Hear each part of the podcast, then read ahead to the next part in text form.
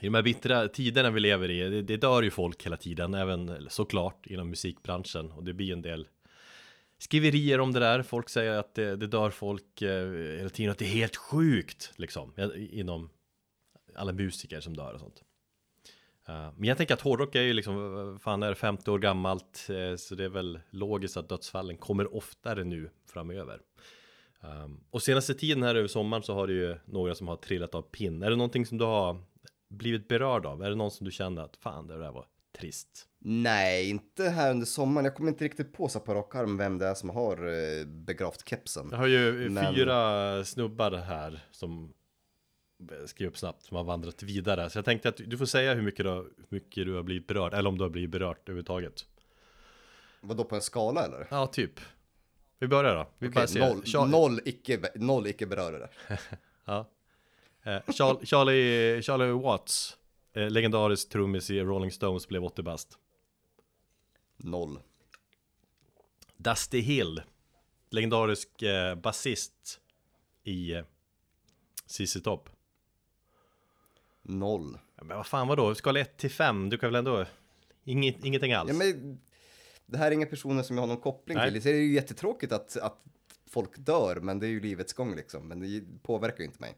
Fortsätt. Eric uh, Wagner, legendarisk sångare i Doom, pionjärerna Trouble, på senare tid uh, The Skull, va? var han ju på turné med. Det var ju coronan ja. som tog honom. Ja, okej, okay, men en tvåa där då. Mm. Uh, och så har vi Joey Jordison, vår rätta trummis i Slipknot. Rätt viktig trummis för modern metal skulle man kunna säga va? Um, vad känner du där? Just ja, oh, men absolut. Där tar vi nog en fyra. Det berörde dig? Ja, det var, det var trist. Men alltså, det, ingenting har ju egentligen berört mig på samma sätt som Riley Gales död. Nej. Uh, där jag verkligen kände mig liksom, man var deppig i en vecka. Och det, det var ju nyligen liksom ett års vad fan säger man? Men jubileum. Ett år sedan han gick bort. Ja, jubileum. Ett år sedan. folk liksom, ja.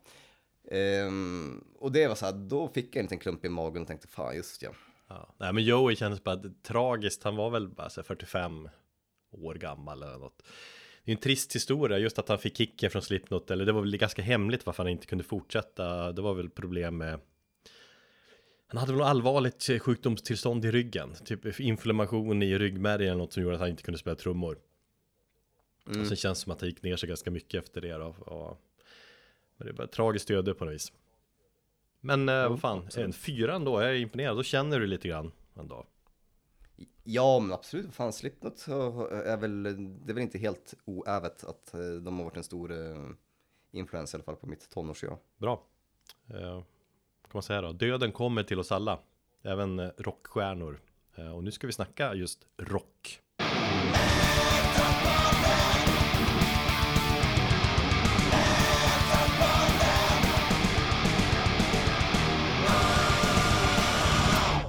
Hej och hjärtligt välkommen då till avsnitt 141 av Metalpodden. Jag heter Erik och eh, min poddkollega heter Thomas.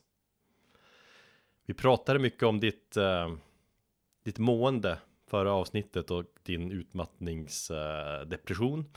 Det är många som har hört av sig och det tycker jag är fint. Jag kan tänka mig att du, du har tagit till dig lite grann av folk som har skrivit.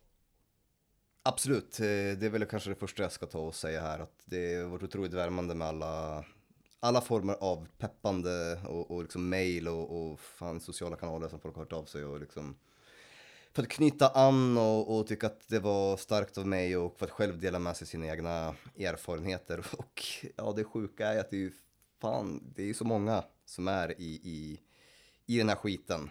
Ja, det är det som fascinerar, att det, att det är så många som själv har eller haft liknande problem som har hört av sig. Väldigt många faktiskt.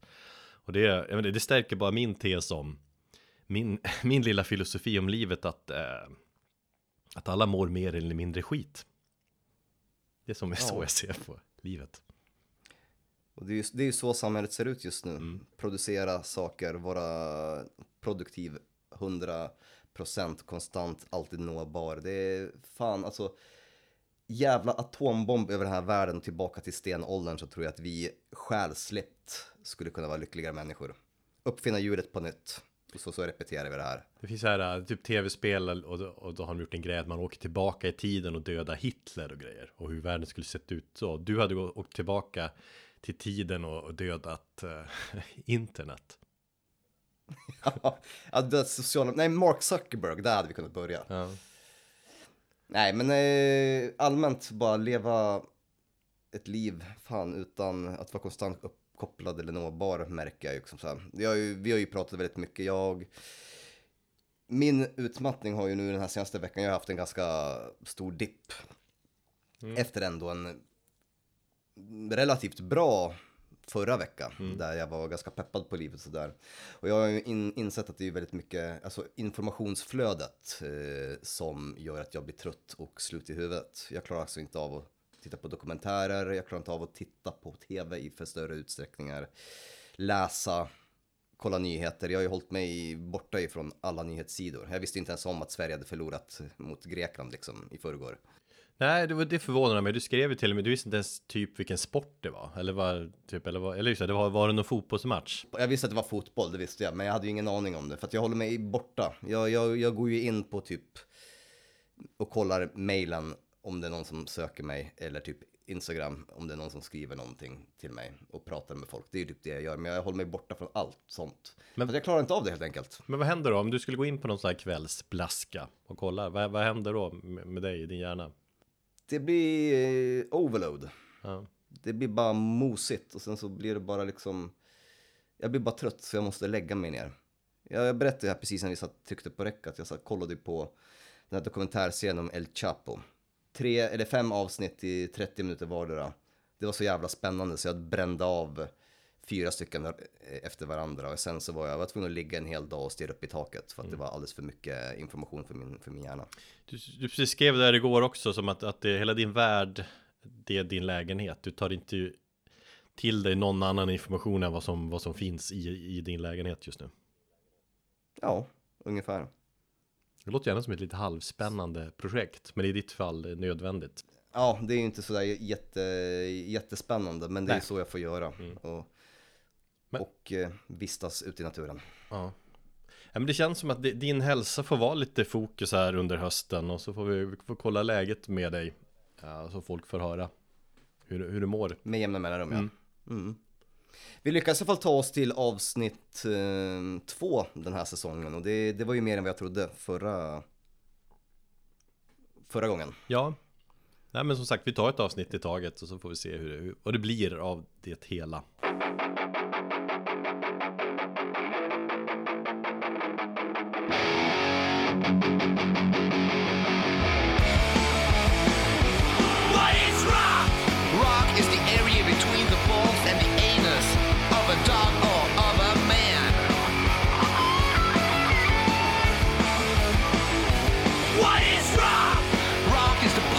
Of choking on your own vomit in the back of a rapist's van. What is rock?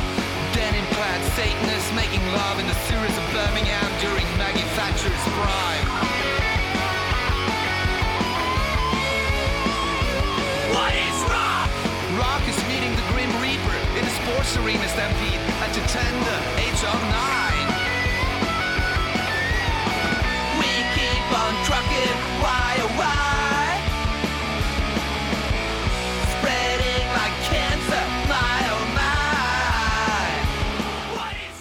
Idag är det ett, ett eh, så kallat patronämne. Det var ett tag sedan. Eh, det kommer nog fler framöver här också i höst tror jag. Om man blir patronmedlem på högsta nivån på patreon.com slash metalpodden så får man bestämma ett ämne i vår podd.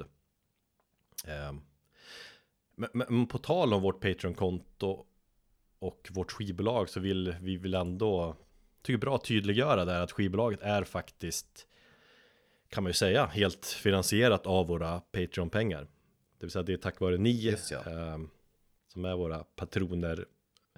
eh, ni som har kunnat möjliggöra det. Så det tackar vi som fan för. Och det, det är väl ett ytterligare ett eh, argument att, att eh, stödja oss via Patreon. Man får tillbaka det i form av skivbolag och kommande releaser. Ja, Och jag kan köpa mig ett par schyssta hörlurar och ett nytt inspelningsprogram också. Det är ju sant. Vad fan får jag då? Jag får ingenting. Allt går till dig och skivbolaget. Men det är kung, ta mig fan. Ehm, du då blir Patreon-medlem. Och så får man en eh, Metalpodden-mugg. Ehm, jag har hört också att det finns en polis i i Norrland som sitter, som, som är patron och som sitter i, på fikarasterna med sina poliskollegor och, och, eh, och håller stolt i sin sitter med sin metal. Både en mugg och dricker kaffe och käkar munk. Det tycker jag är gött att höra. Fan, vad har vi inte alltså, Patron, vi har en patron som heter Axel Roslund. Som har fått välja ämne till det här avsnittet. Han skrev så här. Ska vi se, vart har jag? Där. Det är dags för Thomas att inse storheten i rock. Välj ett par plattor eller band var att prata om så som måste vara inom genren rock. Det kan vara allt från The Stooges till Graveyard. Hur ni lägger upp avsnittet är helt upp till er egentligen, så länge det handlar om rock. Vi ska alltså göra ett ja. Eh, rockavsnitt och därför döper vi avsnittet till Rockpodden, vilket vi, jag tycker är jättekul. Rockpodden firade förresten fem år eh, igår. Ehm, jag var bjuden på festen, men jag eh, bangade. hade tänkt åka. Varför bangade du? Därför att jag, jag gjorde en liten operation i förrgår och jag Så jävla ont. Jag får öm i såret, ont i huvudet, sovit uselt. Så jag var liksom, nej, jag orkade bara inte. Jag är ändå förvånad för jag trodde du skulle dit och supa ner dig liksom, trots att du hade genomgått ändå ett litet ingrepp. Ja, fast jag hade inte supit ner mig, jag hade... Supit upp dig? Ja. Såklart. Um... Nej men eh, absolut, det här är ju ett ganska kul avsnitt i, i det i den bemärkelsen att jag måste ju på någonstans eh, gå emot mina egna principer eller liksom fördomar om rock och tvingas komma ut ur min comfort zone. Ja, det är väl det det Så det är ganska kul mm. att vi... Ja, precis. Eh, och sen så har det väl kanske blivit ett stående inslag här i, i, eh, i den här podden om att jag hatar rock. Mm. Och det är ju sant i sak, men det är inte hela sanningen också. Nej. Och det har jag väl kanske förklarat tidigare, men ifall någon inte har hört det så är det så här att jag har inget problem med rock i sig. Det jag inte gillar det är vad rock står för eller vad det stod för. Så sen kommer ju du med argumentet att allting är rock, även metal. Och det, det håller jag med om, allting bygger ju och kommer ju från rock. Mm. Men vad rock'n'roll en gång i tiden stod för, sex, droger, rock'n'roll och den här hela den, den biten är ingenting som någonsin har tilltalat mig. Nej, Nej vi kommer säkert komma in på de där diskussionerna. Det, alltså det är, rock är så mycket mer än så också. Jag, inför det här avsnittet jo, jag såg så tänkte jag att eh, spontant är ju det här ett lättare, betydligt lättare ämne för mig eftersom jag gillar ju rock liksom mer än dig. Um, men sen när vi började diskutera ämnet lite grann så insåg vi att just genren rock um, dels bara, vad, vad är ens rock? Och så den är ju liksom enorm. Vi brukar prata om metal, att metal är oändligt. Eh, och därför är det så bra, bra ämne att göra en podd om metal i och med att det är sån extremt bred genre och sådär. Men bredden på rock innefattar ju fan nästan allt. Um, och utifrån mitt sätt att se det som sagt så är ju metal, det är ju en undergenre till rock rock kan vara vad, vad som helst. Jag tycker det är intressant att, eh, att läsa definitionen om rock på Wikipedia. Då står det så här. Eh, rockmusik, rock är en av den moderna tidens viktigaste musikaliska och populärkulturella rörelser. Den uppkom under 1950-talet och omfattar idag ett stort spann av olika musikgenrer, ofta förknippade med olika tidsepoker och kulturella identiteter i form av modefilm, litteratur konst med mera. Nej men så här, i och med att det är så stort, jag har också funderat på vad, vad, är, vad är ens skillnad på rock och pop? Då? Det tycker jag inte alltid är helt självklart heller. Man, man tänker att jo men det har man väl koll på, eller det, det finns väl en tydlig gräns där. Känns det som, men sen när man börjar fundera på det så känns det inte alls lika självklart. Rock är ju liksom någon form av Det är ju någon form av, det är ju populärmusik Och så här står det då skillnaden om just skillnaden mellan eh, mellan rock och pop. Står det så här, tämligen lösryckta definitioner skiljer rocken från begreppet som popmusik. Rocken kan dock ses som en, eh, som en starkare yttring av elektri amplifierad musik och de effekter som kan skapas i samband med förstärkning av exempelvis elgitarrer. Eh, Jag har en bättre definition av rock. Mm. Den som Turbonegro eh, frågar sig. Eh, What is rock? Rock is the area between the balls and the anus of a dog or another man. Ja, kul och så, men inte helt jättetydligt ändå, men eh, ja. Okej, nej men det, det kanske är, det är lite mer elgitarrer i rocken jämfört med pop. Men, men, men om vi eh, går tillbaka till eh, vår patron Axels beskrivning, han skriver ju att vi kan prata om allt från The Stooges till Graveyard. Jag vet inte om det är superbrett om man bara tar det spektrat, men där blir jag också lite konfunderad. Just The Stooges som jag fan älskar, om man ska hårddefiniera dem så var de ju pionjärer inom tidig punk. De brukar kallas proto-punk till exempel. Och eh, garagerock. Och Graveyard är ännu mer speciella för de det är mycket blues i deras musik och psykedelisk rock och lite klassisk heavy metal kan jag tycka också. Och liksom hård rock. Så båda de banden är ju en blandning av genrer.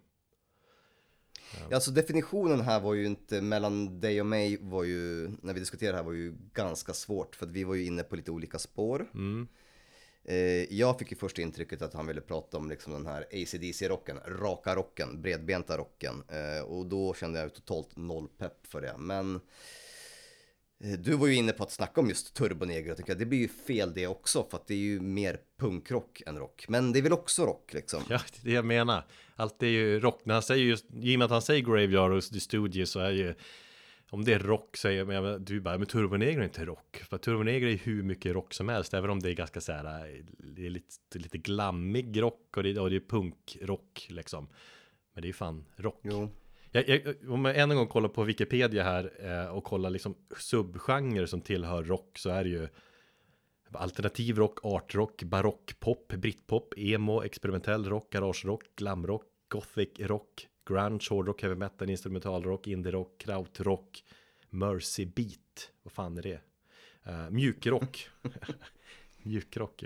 Ja, eh, Mer- Mercy, Mercy Beat. Ja. ja, det är ungefär som den nya som Spotify kom på, Void Gaze. Vad fan är det liksom? ja kanske. Mercy beat, Powerpop, ja. progressiv rock, protopunk, psykedelisk rock, punkrock, southern rock, surfrock.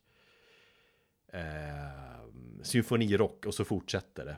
Och då säger man, ja, men vad fan är ens rock? Jo, men det är allt. I princip. Ja. Ja. Ja, och går du in på liksom eh, Rockens Hall of Fame så kan man ju de banden som är, vad heter det, inducted Mm. i, i, i, rock'n'rollens Hall of Fame. Det är ju många band som inte ens liksom, rör sig inom rockspektrat. Så det, det blir ju också väldigt fel. Ja. Men till exempel, men ibland är det tydligare, för du sa, du var ju lite förvirrad där tyckte jag då, liksom bara, men fan grunge får jag väl snacka.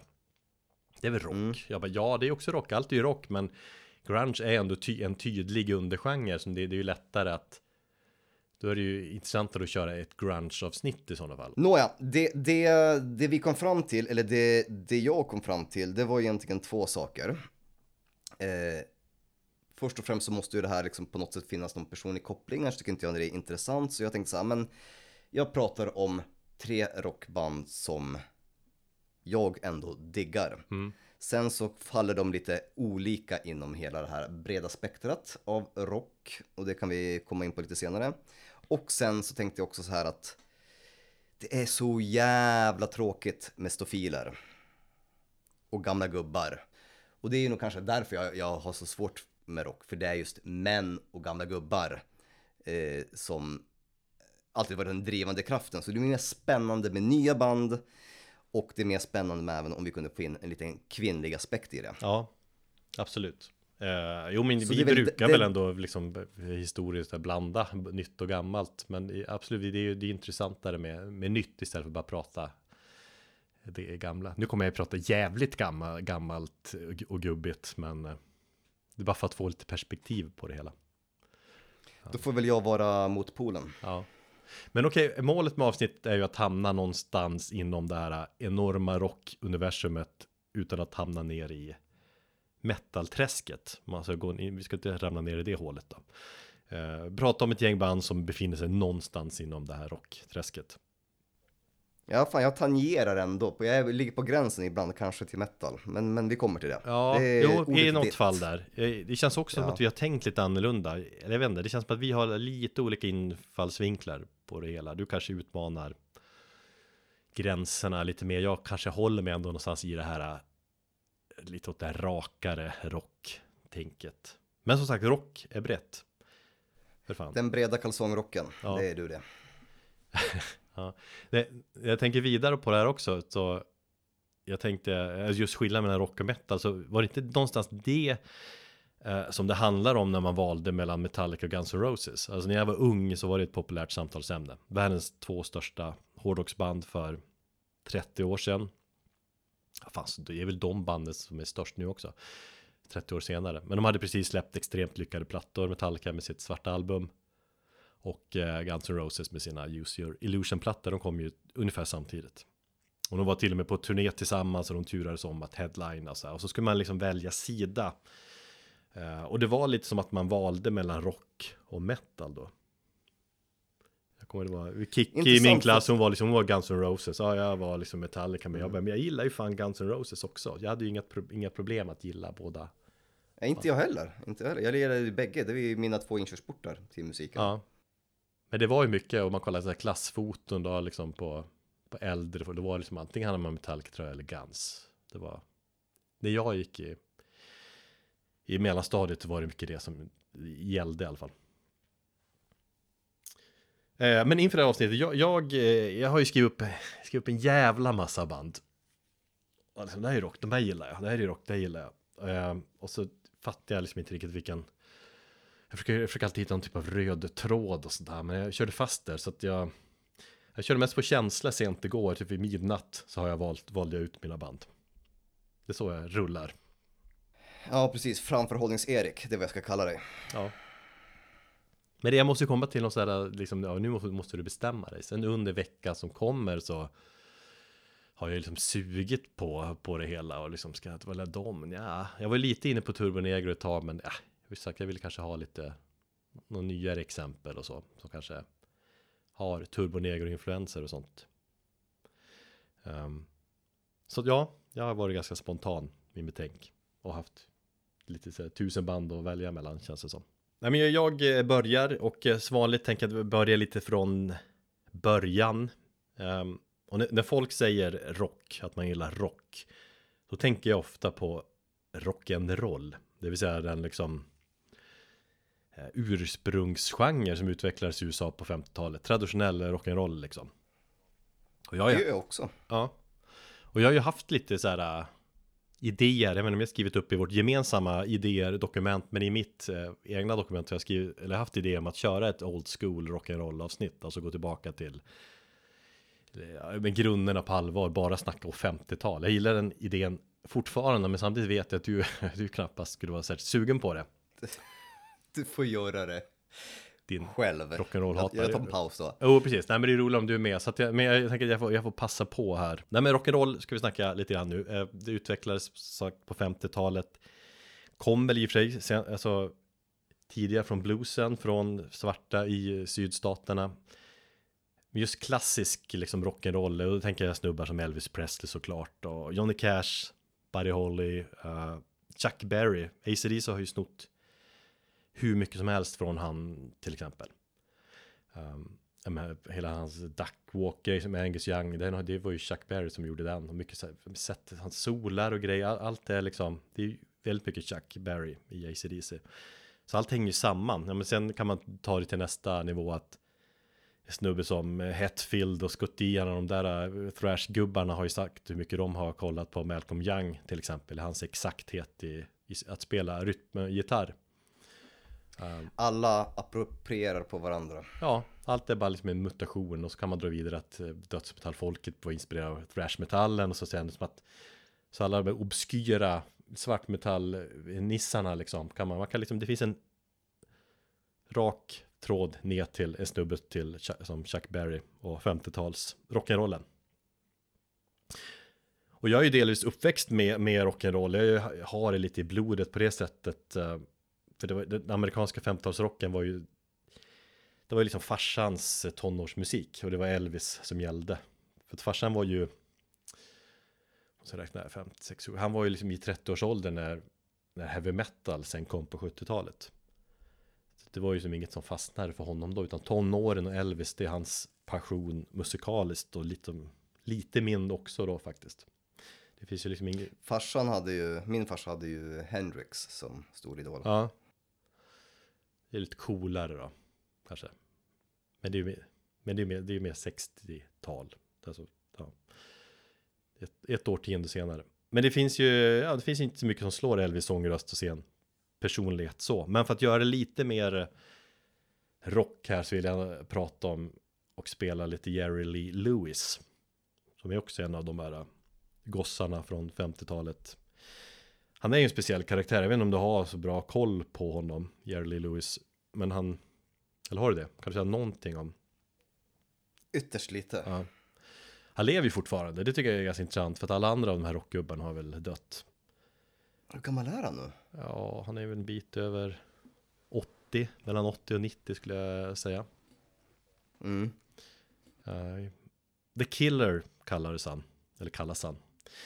Uh, han är gift, eller han, han, är, han har gift sig sju gånger. Det ryktas om att han, eh, att han faktiskt är en killer, för att två av hans fruar har ju dött uh, under lite så här uh, mystiska omständigheter. Det var någon drunkningsolycka och något annat, så att det går som ryktet att han kanske tog ihjäl sina fruar. The Killer. 85 år gammal. Ja. Kul att han, att han lever. Eh, Kul att han håller på. Kul att han håller på. Nej, men han blev extremt stor på 50-talet, slutet av 50-talet. Grace, Great Balls of Fire har väl alla hört. Den har du hört. Uh, Whole Lotta Shaking Going On är också en superhit. Och han ansågs ju också vildast av dem där. Han är liksom på scen, han spelar piano, han sjunger samtidigt, han spelar med fötterna och armbågarna och sånt där. Um, och just där på 50-talet trodde ju många att han, han, han, han kommer ju ta över efter Elvis, han kommer bli the, the new king of rock'n'roll liksom. Men det, det är en karriär som dog rätt hårt när han, eh, när det kom fram att han hade gift sig med, med sin kusin som då var 13 bast. Så det var ju liksom en, en hyfsad skandal, så han var ju någon form av pedo, pedorockare. Men det menar ju många, det var ju, det var ju Elvis också, han började ju hänga med sin blivande fru Priscilla där när hon var hon var 14 eller sånt där. Så det går, det går ju, gick ju mycket rykten. Det skrevs om det bara för ett par år sedan att Elvis på turnén hade bara, bara liksom massa tonårstjejer med sig på turnén hela tiden och sånt där. Men det var väl en annan tid då, hade ju inte gått idag kanske. Men eh, Jerry Lewis karriär dog ganska hårt i alla fall och så försvann han några år från rampljuset. Och så blev det 60-tal och så tog Beatles över hela världen. Eh, 50-talsrocken dog.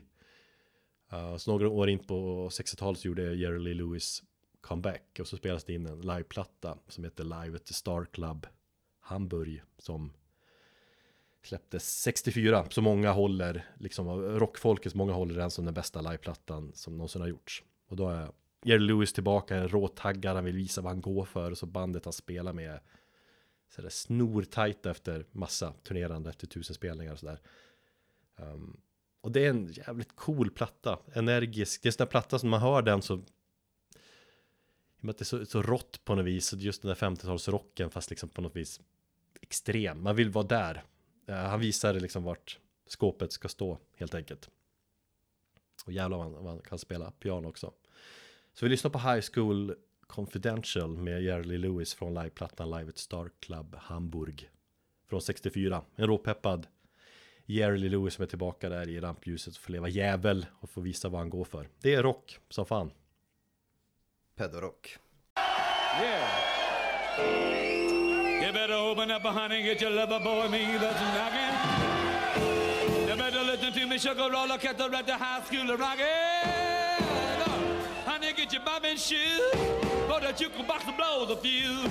Got everybody hopping, everybody bobbing,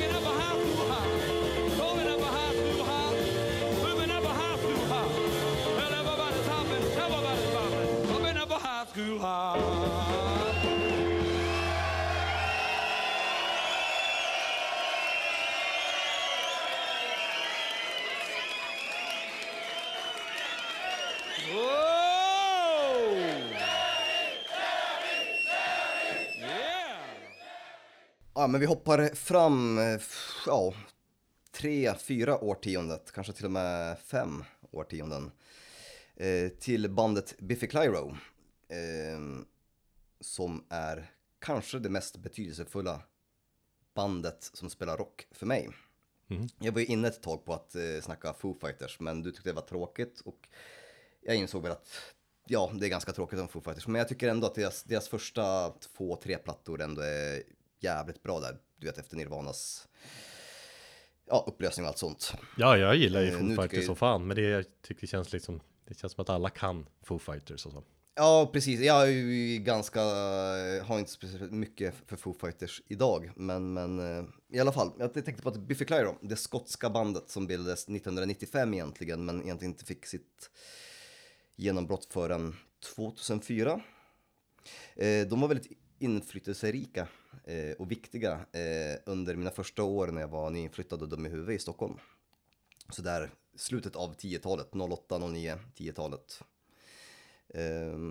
De hade då 2009 släppte de plattan Only Revolutions som var en stor kommersiell framgång för bandet. De hade ju börjat göra sig ett namn redan eh, där kring 2004-2005 med plattan Puzzles innan, men det var här liksom det exploderade och kanske gjorde att de fick sig ett stort namn och började turnera med, med väldigt många band.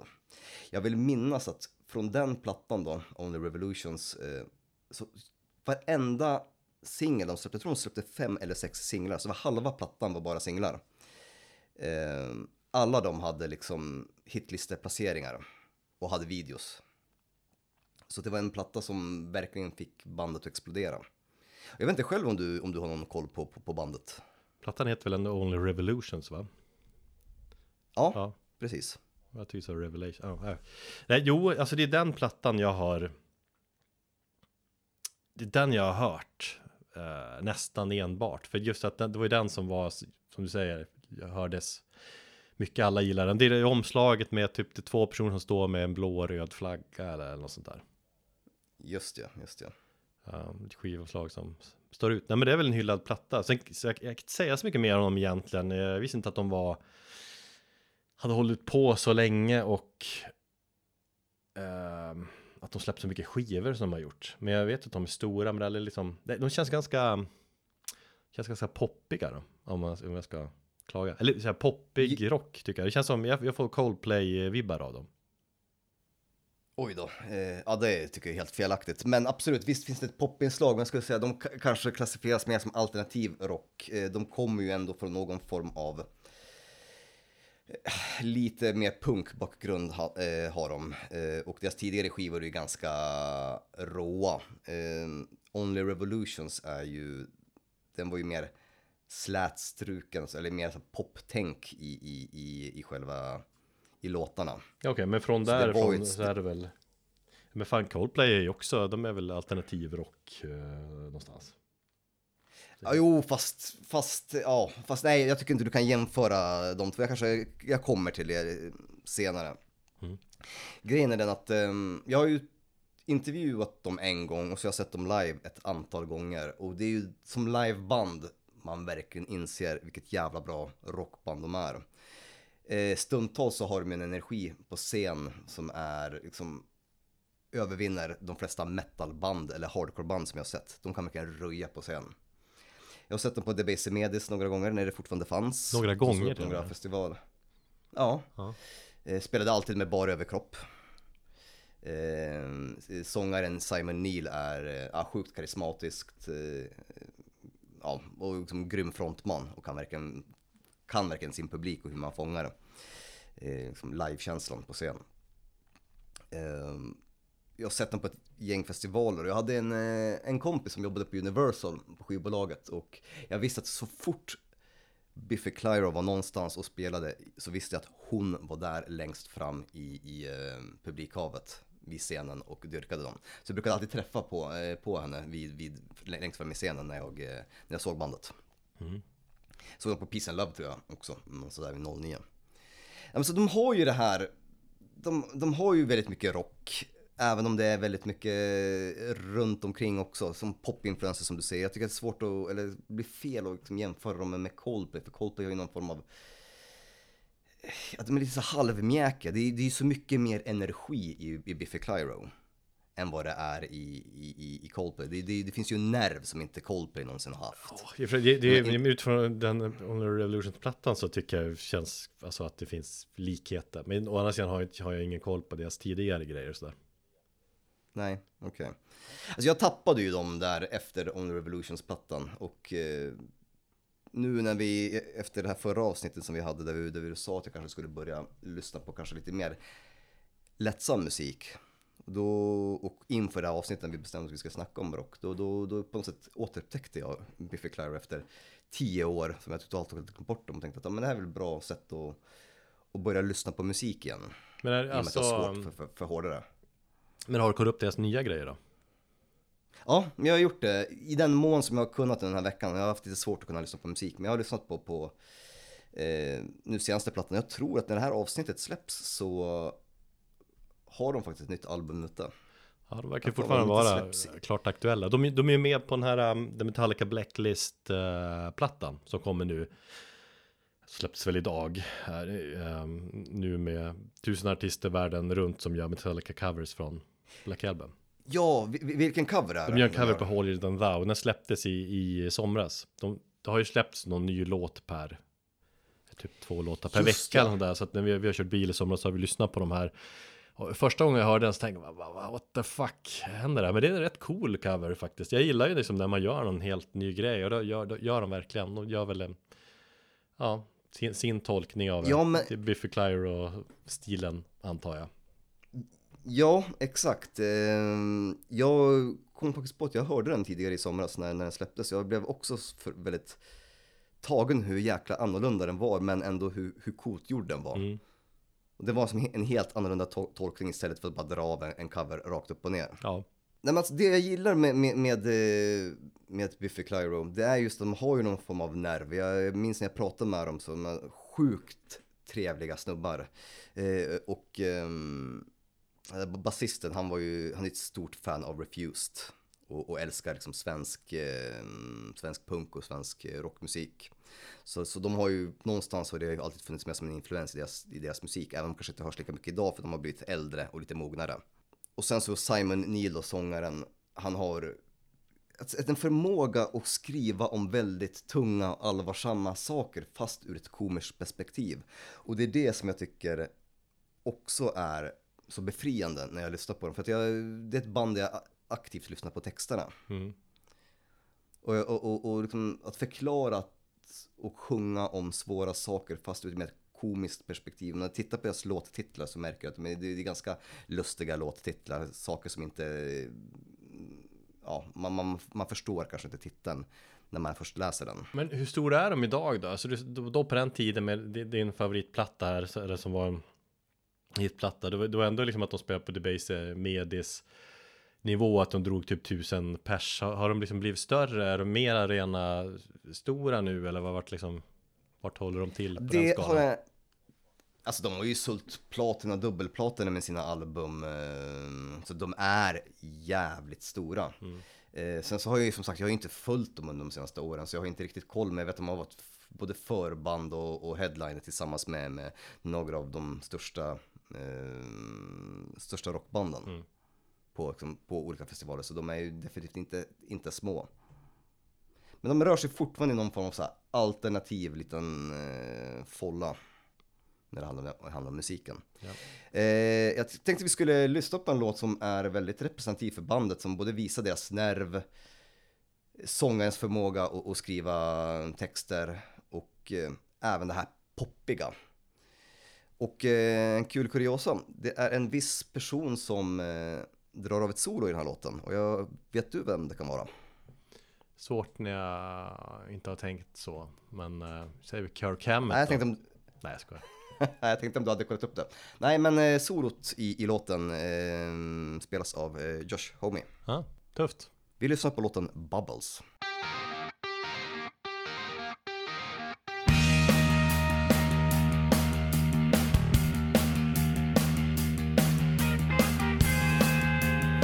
Change your view things today.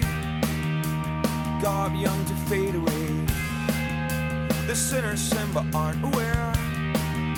Our fables take us everywhere. I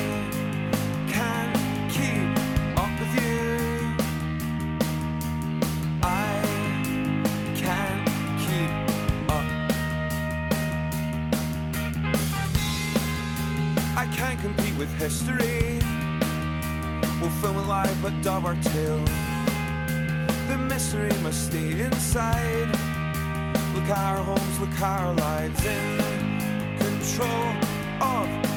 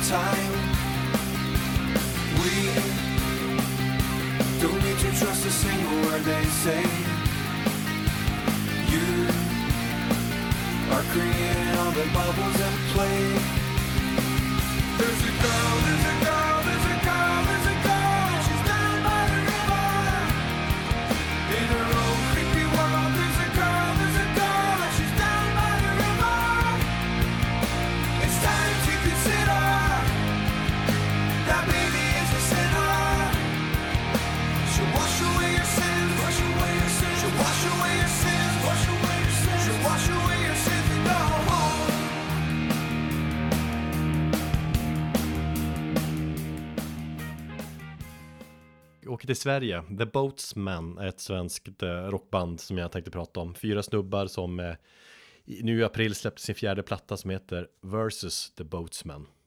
Lite förvirrande. Bandet heter Boatsmen, plattan heter Versus The Boatsmen. Ehm, Aldrig hört talas om.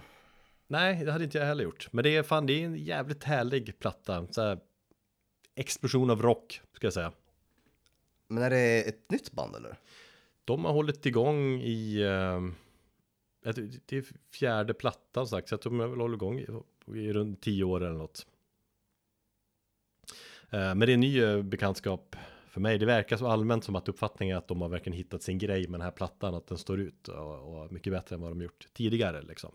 Ehm, för jag var, jag är jävligt impad av det, väldigt catchy låtar, bra refränger, bra, väldigt bra stampa takt-platta. Eh, och det är väl något som inte, det är kanske något som skiljer också mycket eh, rock mot mer renodlad metal. Det är, det är svårt att liksom hålla på och stampa takt till dubbeltramp och sånt där. Det är bara de här, när man, när man är på de här metal förfest snubbarna så duktiga trummisar som sitter och spelar avancerade lufttrummor. Eller hur? Mm. Medan liksom rockplatta, det är mer, det är enkelt att bara stampa takt, det blir liksom bara så här, man sitter och stampar foten, om det där nu hördes i micken. Ehm, Det lät mest som du drog en tralla. ja, ja, det kan vi också göra till rock om man vill, om man är inne på det. Ehm, ja, men det är lättare att stampa eh, takten till rock helt enkelt. Och, och det känns som att man på den här Boatsman, Boatmans fjärde platta så gör man det hela tiden. Um, sen liksom om, om man ska fortsätta att snacka om texter och så, om man jämför de här texterna så handlar så, och med ditt band så handlar det mer kanske inte så mycket djup i texterna här, här handlar det väl mer mycket om att dricka och sånt där. eh, som är, kan vara klassiskt inom rock'n'roll. Som, är- som det, det kan jag, kan jag tycka är jävligt skönt också inom rock, det behöver inte vara så jävla djupt liksom. Det handlar ju mycket om underhållning. Man ska, det ska vara svängigt när man ska bara digga Ja. och köra bil och liksom inga konstigheter. Nej, jag kan, köpa, jag kan köpa det. Jag har dock aldrig liksom fallit för den typen. För att jag har aldrig gillat rockmusik där själva anledningen till att de spelar är för att få ligga. Det känns som att det finns så många band där ute som de, man har bara startat ett band bara för att få ligga. Speciellt liksom under 70-80-talet. Ja, Och det är liksom, Jag tror det är, en, det är att det är en faktor, absolut. Men att man, men sen är det ju att man drivs av musiken och eh, goet så. Men, men sen är det ju som att texterna vet du vad så djupa. Men alltså, det är inte så att all metal lyrik är djup heller. Det finns ju mycket patetisk liksom och det är satan och det är liksom bara gore och sånt där. Så att det, det finns ju samma motsvarande fast en annan typ inom på den sidan om man säger så. Um, Men jag kan tycka det är så uppfriskande, vet du vad? jättedjupt hela tiden. Det är rock'n'roll liksom. Um, det är en del av den genren. Um, jag gillar verkligen det de gör på den här plattan. Det, det låter mycket typisk skandinavisk rock skulle jag säga. Alltså 90-talsrock som som Hellacopter, som, som eh, norska Glucifer där, eh, Turbo Negro. Eh, det är ACDC-vibbar eh, och det är ganska punkigt och, och smutsigt. Så man gillar den stilen um, så kommer man gilla The Boatsman. Sen hade jag, jag hade hört talas om den här plattan lite grann, jag läste någon recension på den och så, ja, ah, det verkar intressant men du vet, uh men sen var det vår ro- rockkompis Dave eller David då, trummis från Dead Express som tipsar och skrev till mig att den här, fan, den här plattan måste lyssna på, den är så in i helvetes bra. Och när jag skriver så, för han och jag, vi gillar ju, snackar ju rock ibland, så då blir man ju nyfiken att lyssna. Så att jag får tacka dig då, David. Ja, men han kan rock. Han kan sig rock.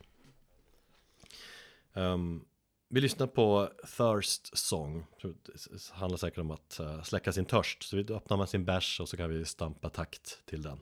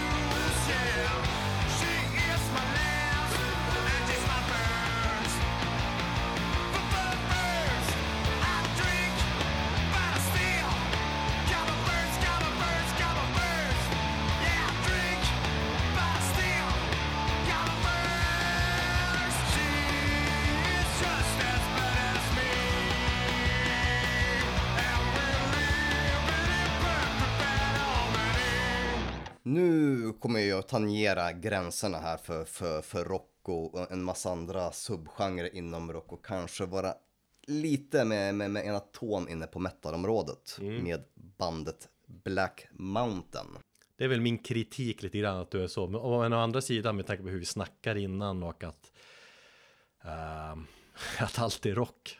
Och lite otydlighet så vad, vad, vi får prata om då. Men så är det, ja, så är det okej ändå. Ja, men alltså kollar du in bandets Wikipedia så och vad liksom de beskrivs som så är det ju neorock, eh, progressiv rock, psykedelisk rock, stoner rock, alternativ rock, eh, space rock. Och allt det här stämmer eh, på bandet om du lyssnar på dem, liksom hela diskografin och märker hur de har utvecklat sitt sound. Det finns till och med brittrock i, i deras tidigare musik. Ja. Finns punk också, för de kommer, mm, eller sångaren då, eller sångaren, han, grundaren Steven McBean, han, han har ju en punk och funk-bakgrund tydligen. Men det, det, ja, jag vet, det är, alltså jag har lyssnat ett gäng låtar och det, de, de är lite svårdefinierade och det känns, ja, de känns spaciga som fan. Det är, Ja, de är spaciga. gillar jag och, och liksom psykedeliska och men så tycker jag också mycket stoner-känsla i dem. Ja. Så absolut, det här är väl kanske en liten parentes då, men, men fan, bättre än så här kunde jag inte göra, så, så, så eh, det får vara helt enkelt. Men jag, de är en ny bekantskap för mig för att eh, jag hörde talas om dem först tidigare i år. Det var, det var min sambo som introducerade mig för dem och tyckte att den här skivan ska vi lägga till. Bra liggmusik med andra ord. Ja. Ja, men det finns någonting ja, just i det här spaciga som, som, som funkar jävligt bra för modet. Eh, De bildades 2004 då, av den här porrig, porrrock. Erotisk. Ja, fast det är det ju inte. Nej, det är det ju inte. Det är bara bra driv, bra pump i musiken. Det lär kan kanske bli, bli varse här när vi ska spela låten som jag, jag har valt. Eh, de har faktiskt haft en hel del framgångar med att få, få en del av sin musik spelad i olika tv-serier och filmer. Jag tror det var till och med Spider-Man 3 hade de någon hit där. Så de har ju liksom blivit framgångsrika med att få mycket av sin musik spelad i, i Hollywood. Men de har ju ett, eh, ett gediget gäng album också, om det är typ fem stycken nu. Och eh, det senaste då som släpptes 2019 eh, hette Destroyer. Och det är ju det som jag har fastnat mest för. Och där har du väldigt tydligt, du har liksom en rak rocklåt i, i Boogie Lover till, till liksom Ja, det här spaciga, mycket liksom Monster Magnet-vibbar i vissa låtar. Jag tänker på låten Future Shade och, och så att det, det, det är så jäkla brett där så det är så svårt att liksom kunna definiera bandet eller sätta dem i ett visst fack. Ja, jo. Det Men jag kände jag tycker också. ändå om, om, man, om man ska gå någonstans i och, och göra någon form av gränsdragning så tycker jag ändå att allt i grunden är rock i bandets musik och sen så spretar det väldigt mycket. Jag gillar det. Eh, när, när det är lite rockigt. Eh, och framförallt är det ju låten License to Drive då, som är kanske lite en liten genväg som jag tagit. Det är mest bara för att det finns en sån jäkla mycket Judas Priest-känsla i den. Har du tänkt på det? Uh, nej, det, det, det tänkte inte jag på då. Nej. Huvud, eh, huvudriffet påminner mig väldigt mycket om Judas Priest kring liksom Turbo, Turbo Lover-eran där tänker jag. När, när, när bandet var ute och, och höll på med väldigt mycket med, och experimenterade med syntar och diskomusik också. Eh, En låt som handlar om eh, när eh, sångaren tog sitt körkort 2017, så den är, den är inte djupare än så. Eh, kolla in videon också, den är superball. Där, där har de eh, en hel del heavy metal attiraljer och den är inspelad med 8-bits eh, estetik och, och väldigt mycket så här Nintendo och, och hela arkadkänsla. Bra, bra rockband som jag ändå mm, tycker att jag alltid velat prata om eller nämna på något sätt i den här ponden och nu när det här avsnittet föll oss i knät så tyckte jag att det var väl perfekt att ta upp dem. Ja. Så vi, har, vi lyssnar på Black Mountain, License to Drive.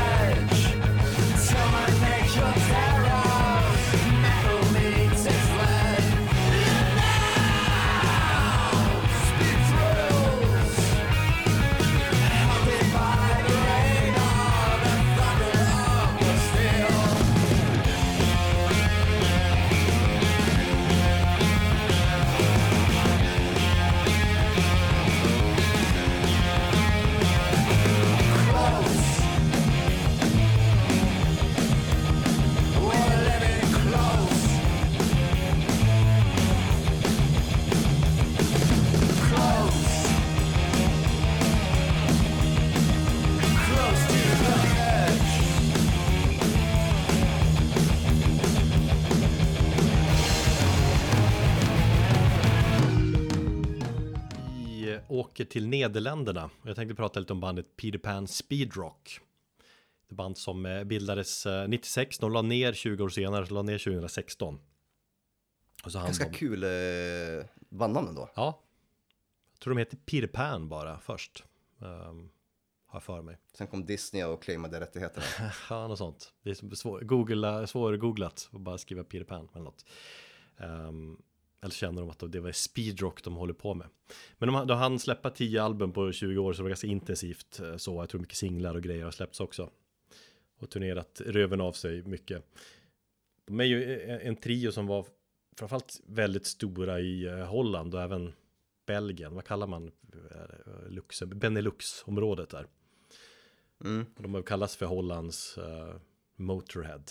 Och det stämmer väl hyfsat. Alltså de, de lirar liksom ultrasnabb, punkig rock. Bara liksom rå och ärlig. Inget nonsens liksom. Det är mycket, eh, man ska slåss och supa. Och, eh, Är det bredbent? Ja, det är gans- ganska bredbent fast på ett liksom punkigt coolt sätt. Uh, ganska underhållande. Bra jävla riffande som jag älskar. Det är inte Ralf Gyllenhammar bredbent. Nej, det går för långsamt liksom. Säger, det här är liksom, det här är snabbt. Punket på det sättet som jag är väldigt svag för. Det finns ett annat band som spelar väldigt snabbt också som heter Seek. Z-E-K-E som jag Ja men de är nästan världsbäst på den grejen. Eh, fast Seek spelar ännu snabbare. Det hade tänkt prata om dem först men de är mer, de är liksom ändå mer tydligt hardcore punk. Eh, så det, det får bli Peter Pan Speedrock istället. Men Seek är ett otroligt bra band också. Men just den här typen av rock när det är, det är snabb och jävlig rock. Jag tror att tror att speedrock är en liksom hyfsat riktig genre också. Det finns flera band som kör liknande. Speed Dealer är ju lite av samma också. Också skitbra. Ehm, jag tänker att om man Jag tror jag faktiskt aldrig har hört den genrebeskrivningen tidigare. Speedrock. Jag tror inte den kanske är officiell tydlig, men jag tror att det finns många band som är liksom innan. Jag läste om så här m- m- Motorhead Rock-aktigt liksom också, men. Um, alltså ju Speed Dealer, eh, Peter Pan Speed Rock, Seek. Om, jag, man, jag tänker att man hamnar direkt i genren om man har med speed i bandnamnet. Då blir det automatiskt speedrock. Eller något. Men eh, Peter Pan Speedrock la ner eh, 2016 där och jag fick äran att se dem på avskedsturnén. Då spelade de på Roadburn det året. Och det var faktiskt så här, nästan så här chockerande bra. För jag tänkte att ja, men det fanns, de är ju coola det här bandet. Jag har ju lyssnat en, en hel del på dem tidigare och tänkte att det ska vara bra svänget så. Men det var verkligen skitbra. Jag tror också att i och med att de är holländare att det blev det var som så tydligt att de gav järnet. Att mycket folk som var där liksom att ja, det här är vårt lands, ett av vårt lands bästa rockband. Um, det var sån jävla pepp. Jag minns uh, kompis Fredde fick en någon form av psykos när han såg dem och han spontan kastade upp en öl upp i luften och kastade in i en, i en morspet. Uh, vilket var kul att se. Och sen dess har han väl gjort den grejen fler gånger också, men då var det kanske mer medvetet. Men då, där första gången, då var det väldigt spontant och härligt hur man bara tappar det fullständigt och bara, vad ska jag göra med den här ölen? Fuck it, jag kastar upp det i luften och flyger in i en morspit. Det finns eh, ett gäng som är ganska bra på de här eh, vet, spontana psykoserna när ni är på att gå på konsert. Jag tänker på dig, Fredde och andra som bara fuck it och så bara gör man någonting helt jävla oväntat och kanske inte så genomtänkt alltid. Nej, Kul. men det är väl det det handlar om att gå på rockkonsert. Jag hatar ju när det är safe. Jag hatar... Eh, jag blir så här, jag blir, jag blir triggad när jag kollar eh, Slipknots eh, spelning. De är tillbaka och spelar live nu. I staterna. Corey Taylor har någon ny, ny mask. eh, och så, så kör de så här arena, eller det var någon festivalgig. Jag har inte kollat upp vad det, vart det är någonstans. Men, och det är filmat ganska nära scen och det står folk liksom och pratar och håller i en öl. Och det är liksom bara lame. Det är jag... Eh, jag tycker det är trist med väldigt med publik som är väldigt stillastående. Och så. Längst fram på en, konsert som är någonstans inom rock, metal, och när då ska det fan ska det vara jobbigt. Alltså hardcore-scenen är ju eh, bäst på det där såklart, men fan, det är, man måste, och det är det man är ute efter, men det är därför jag älskar livekonserter också, att när man ser ett sånt jävla bra band, att man bara fan, nu måste jag in och röja här, eller man bara liksom tappar det. Att man går Nu igång på det så mycket. Taylors, Va? du tittar på Corey Taylors, jag kollar på Corey Taylors nya mask. Ja. Ser ut som att han dragit på sig en baseball över huvudet. med ögon. Ah, ja, okej. Ja, det var, känns lite robotaktig i den där. Jag tycker den förra var coolare. Ja. Um, ja, skitsamma. Um, Peter Pan Speedrock, bra snabb speedrock. Vi ska lyssna på låten Rocket Fuel, för den jag tror den är ganska gammal, tror jag en av deras första plattor. Um, men jag minns i alla fall tydligt att de spelade den på Roadburn och att det var då när man, åh helvete vad löjligt bra det här var just då. Det är ju klart att ett band som heter Peter, Spa, Peter Pan Speedrock som spelar speedrock har, ett, har en låt som heter Rocket Fuel. Absolut. A blue 1972 Plymouth Roadrunner. If you have any information related to this insidious, senseless, and violent crime, please call 1 800 4 Crime. Now, back to the hits that made America great.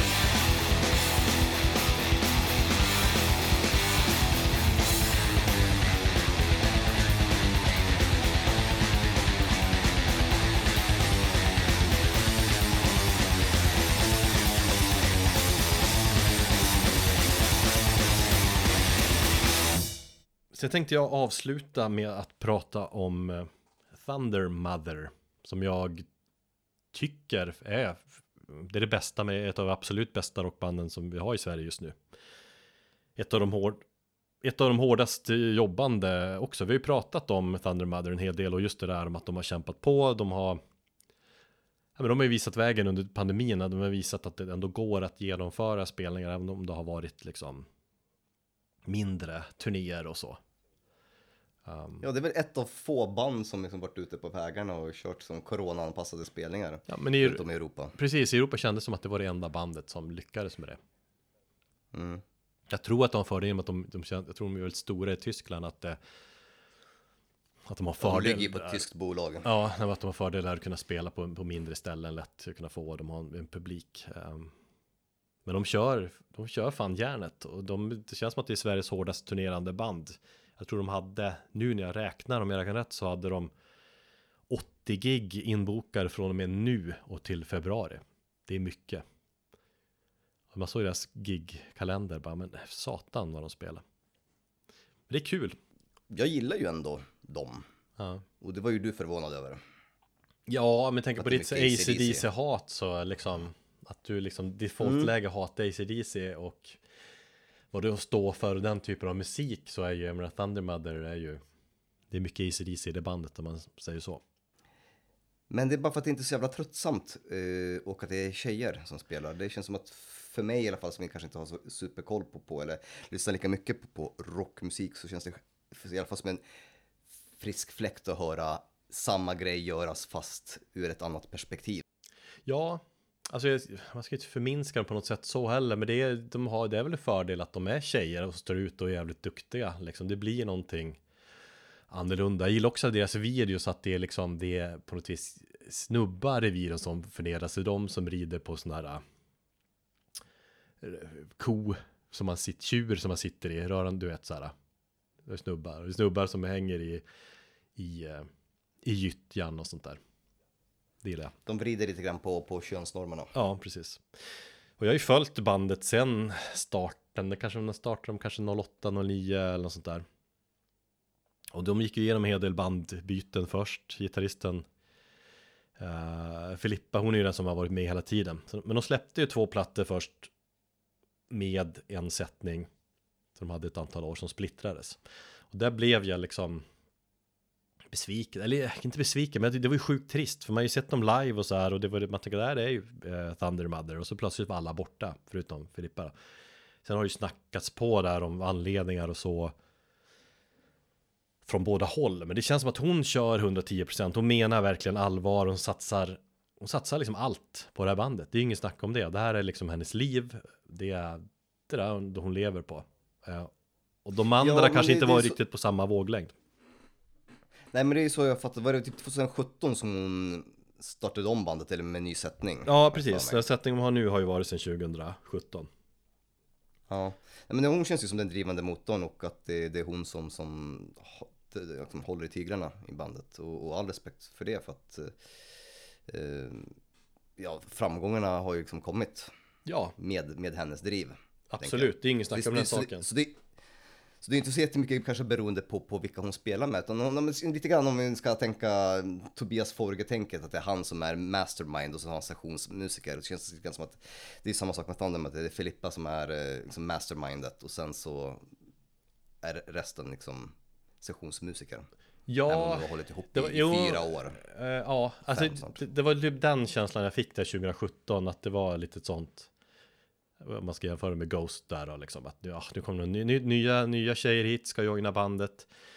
Uh, men jag känner nu också, för första plattan de släppte så med, med nya settingen så bara uh, men det känns som att de är bättre än någonsin. Att visst, Filippa hon är ju grym gitarrist och hon är hon är liksom som har visionen och skriver låtarna i det stora liksom och det är hon som har satsat allt. Men de andra levererar ju så fan också. Framförallt har de ju en grym sångerska i eh, Guernica. Guernica, Guernica. Uh, hennes kraft och den här soulen i rösten hon har, det står ju ut. Hon är ju asgrym. Sen tycker jag att de andra också levererar och så tror jag att de är de andra är med och har skrivit låtar på, på skivan också så att det är mycket mer band effort nu än vad det har varit liksom tidigare. Um, men visst, de har jämförts mycket med ACDC och det tycker jag med all rätt. Det är mycket riff åt det hållet, åt det här liksom bluesbaserade rocken och så. Alltså som jag älskar och så som du hatar. Eh, men jag tycker också att de är ju mer, eh, mer, mer melodiska och jag tycker också på den här skivan att det har förändrats en hel del tycker jag. Det, känns som att de har öppnat upp lite grann i, liksom bemärkelsen vilka influenser de har tagit in. Det är mer bredd i soundet vilket gör dem också intressantare och bättre för att de är um, Ja men det är liksom man har lite, nu har man influens från 80-talet och 70-80-talet och det är olika Olika former av låtar så Ehm, Och de fortsätter på det spåret tror jag, de kan, jag tror de kan bli ännu större också Det känns som så given I längden så headliner till festivaler och sånt där Att de drar ju folk Ja, så senaste plattan, vad heter den? Heatwave. Ja. Eh, den återsläpptes i någon deluxe-utgåva här i somras. Men den, plattan kom ju väl och släpptes för första gången förra året har jag för mig. Precis, Ja, eller jag- under pandemin. Ja, precis. Jag tänker att de återsläpper den för att få lite mer pepp kring den och nu när de ska ut och turnera med tusen gig liksom. Nej, men den har jag lyssnat på. Den är ju, den är ju stundtals svinbra tycker jag. Ja. Det är ju jävligt mycket riv i den. Det är nästan som man blir förvånad, bara fan vad bra det här är liksom. Och, och bara bra produktion och allting och bra liksom. Ja men det är ju en grym helhet. Visst är 13 låtar som man kanske liksom, ska man välja kanske man ta bort, ska man ta bort två, tre låtar. Men det är egentligen inget band som liksom fyller ut. Det blir alltid lite filler-tänk på, på ett långt, eh, på en lång skiva. Eh, men sagt, de är populära, de är skitstora i Tyskland eh, och, de syns ju liksom lite överallt. Så Thundermud är grymma. Vi ska lyssna på Into the Mud från senaste plattan då, Heatwave. Um, den låten osar ju väldigt mycket jag skulle säga Airborne är väl bästa jämförelsen. Um, jag är svag för Airborne och deras driv. Uh, det är ösigt liksom och det, de kör den stilen här. Um, och här får man också prov på hela bandet tycker jag. Uh, liksom, visst, Filippa är bra riff, men basisten briljerar också. Har lite bassolo där och så har vi, det är en grym trummis. Så vi, vi stampar takt och lyssnar även där.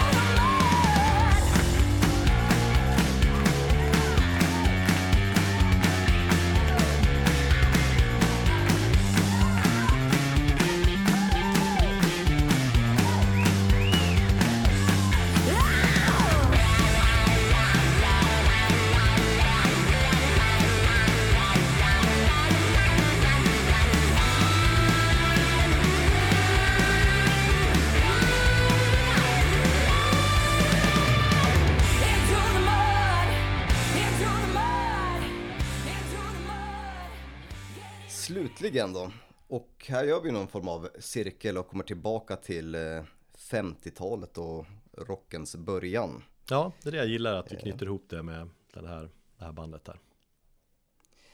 Eh, Men ändå ett väldigt nytt band. Det är eh, Twin Temple. Det gifta paret, eller duon Alexandra och James, som bildade bandet eh, 2016 i Los Angeles. Med en förkärlek för just 50 och 60-talets rock'n'roll och ehm, deras ja, intresse av det ockulta och satanism. Och de var lite trötta på att eh, liksom heavy metal eller metal i överlag hade claimat eh, satanismen och gjort den till sin och, menade på att vad fan du kan ju lyssna på, på Jerry Lee Lewis, jag tror att hon sa det faktiskt i, i en intervju och eh, eller något annat Elvis Presley och fortfarande kunna dyrka Satan. Det är fullt möjligt att göra det. Så på något sätt så var tanken med det här bandet om att knyta an två stycken kärlekar, just musiken, eller just kärleken för, för, för 50-talsrocken och bandets, eh, eller duons då kärlek för, för satanismen som är, och det ockulta som är då väldigt verklig och liksom riktig. Ja, Deras musik kallas för, för satanic doo-wop. Det är, det är en snygg beskrivning måste jag säga. Ja, men det är ju så eh, deras debutalbum heter också. Eh, Twin Temple Bring You their, their Signature Sound, Satanic Doo-Wop. En platta som de logiskt eh, tryckte upp i 666 exemplar helt själva. Eh, bekostade helt självt. De spelade in plattan på eh, två, eller en och en halv dag. De gjorde tre tagningar av varje låt och så valde de ut den bästa och så spelade de in allting i mono. Också för att kunna de är less på, på, på allting som har med, med, med digitalisering att göra och ville låta sin, sina gamla hjältar från 50 och 60-talet. De spelade in en mono, tre tagningar, valde ut den bästa, hade skivan klar på en och en halv dag och sen så plockades de faktiskt upp av eh, skivbolaget Rise Above Records och fick då ett riktigt liksom officiellt albumsläpp eh, senare med debutalbumet. Ja. De har ju till, till dags dato har de ju bara det, det albumet, ett, en, en fullängd där ute. Sen har de släppt två stycken singlar vad jag för mig i år, från eh, tidigare i år. Ja, det var det jag tänkte fråga om du har koll på vad, vad som händer framöver här. Eh, nej, det, det jag vet är att det kom i mars har jag för mig att det kom två stycken singlar eh, och då varav en var någon form av eh, spoken word, eh, någon sån här tantrisk eh, mässande om liksom lavej-satanismen. Eller det var taget någon, någon, någon, någon sampling taget från någon form av satanistisk ritual. Eh, så att, eh, det är väl egentligen det som har kommit från bandet. Jag har så mycket tankar kring det här bandet och så här och tyckande kring dem. Jaha, Jag vet bara första gången jag hört talas om det, tror jag var, eh, det var någon roadburn, de skulle spela där. Och du vet, man går igenom och kollar liksom, så tredje dagen ungefär, i fem scener och det är band konstant, liksom det är väl hundra band som spelar. Och så ligger man på hotellrummet och dricker öl och, och så läser man på de här jävla Twin Temple igen. Och så man, man läser och känner att ah, det där är ju en plojig grej som jag inte går igång på. Ja. Det var min första reaktion och grejer. Liksom. Sen vet jag, det är ju många som gillar dem och de verkar vara coola live också. Och jag, jag har all respekt liksom. Jag tänker att de, de har tittat på sina gamla hjältar från 50-60-talet. De har just det här, de har spelat in live och det här att det ska finnas lite själ i musiken. Det ska inte vara perfekt. Och det är det som är så cool med 50-talsrock också när du lyssnar på det. Och snubbar som Jerry Lee Lewis i det här gänget. Alltså jävla kompetenta, sjukt bra musiker liksom. Och sånt sväng. Och råhet. Eh, men sen känner jag också att det, för mig är det lite en sån här, lite så här Seal and Ardor grej de försöker göra. Och jag tror det är det som skivbolaget Mhm. har- liksom nappar på också, att de på något vis försöker, att de blandar två delar som inte har blandats förut. Alltså den här 50-tals rocken med lite där horror-temat. Då.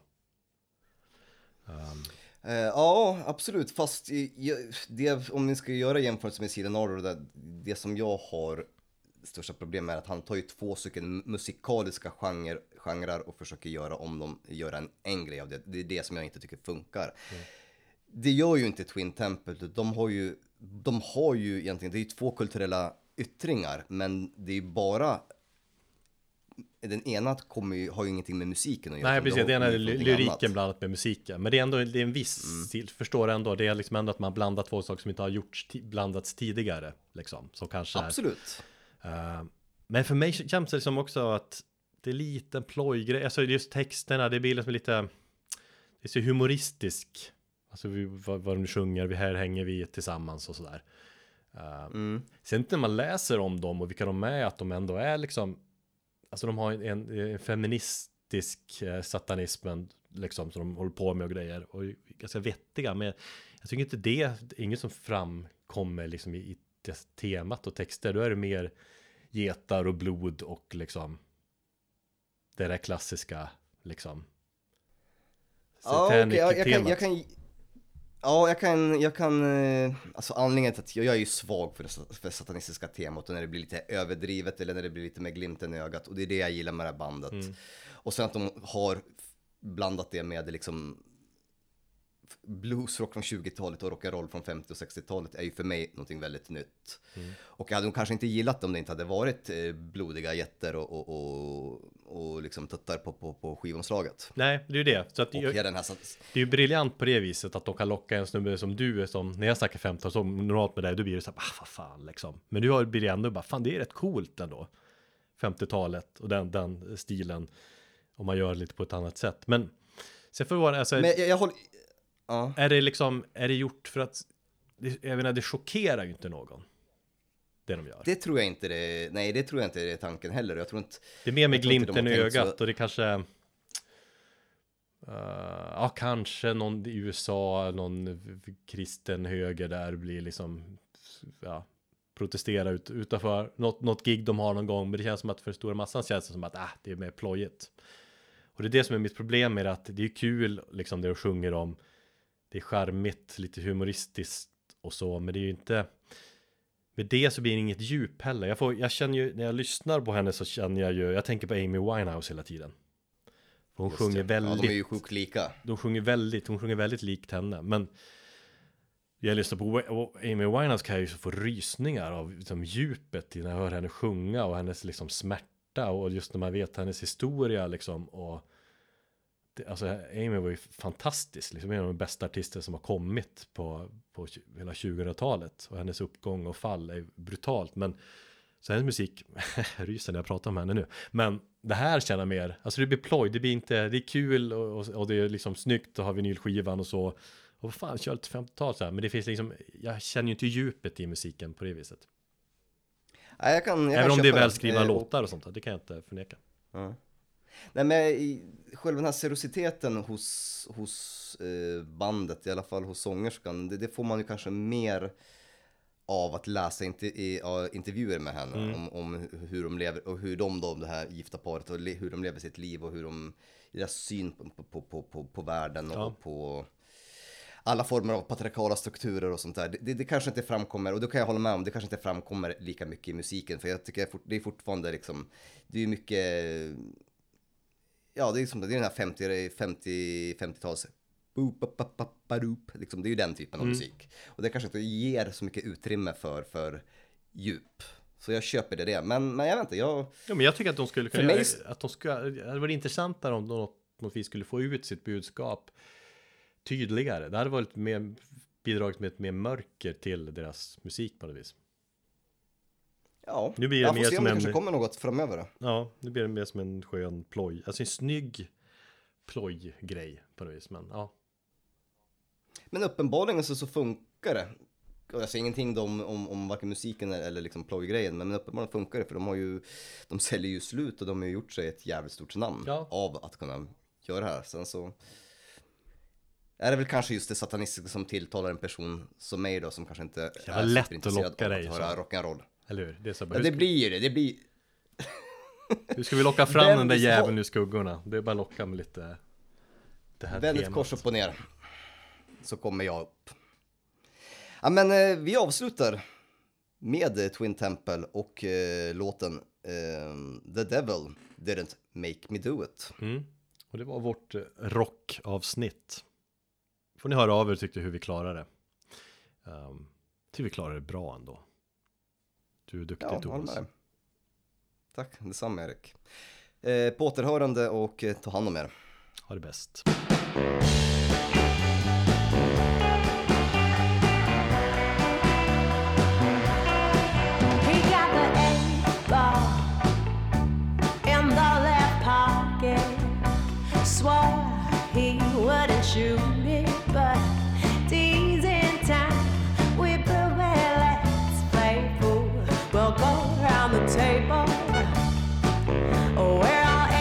18 and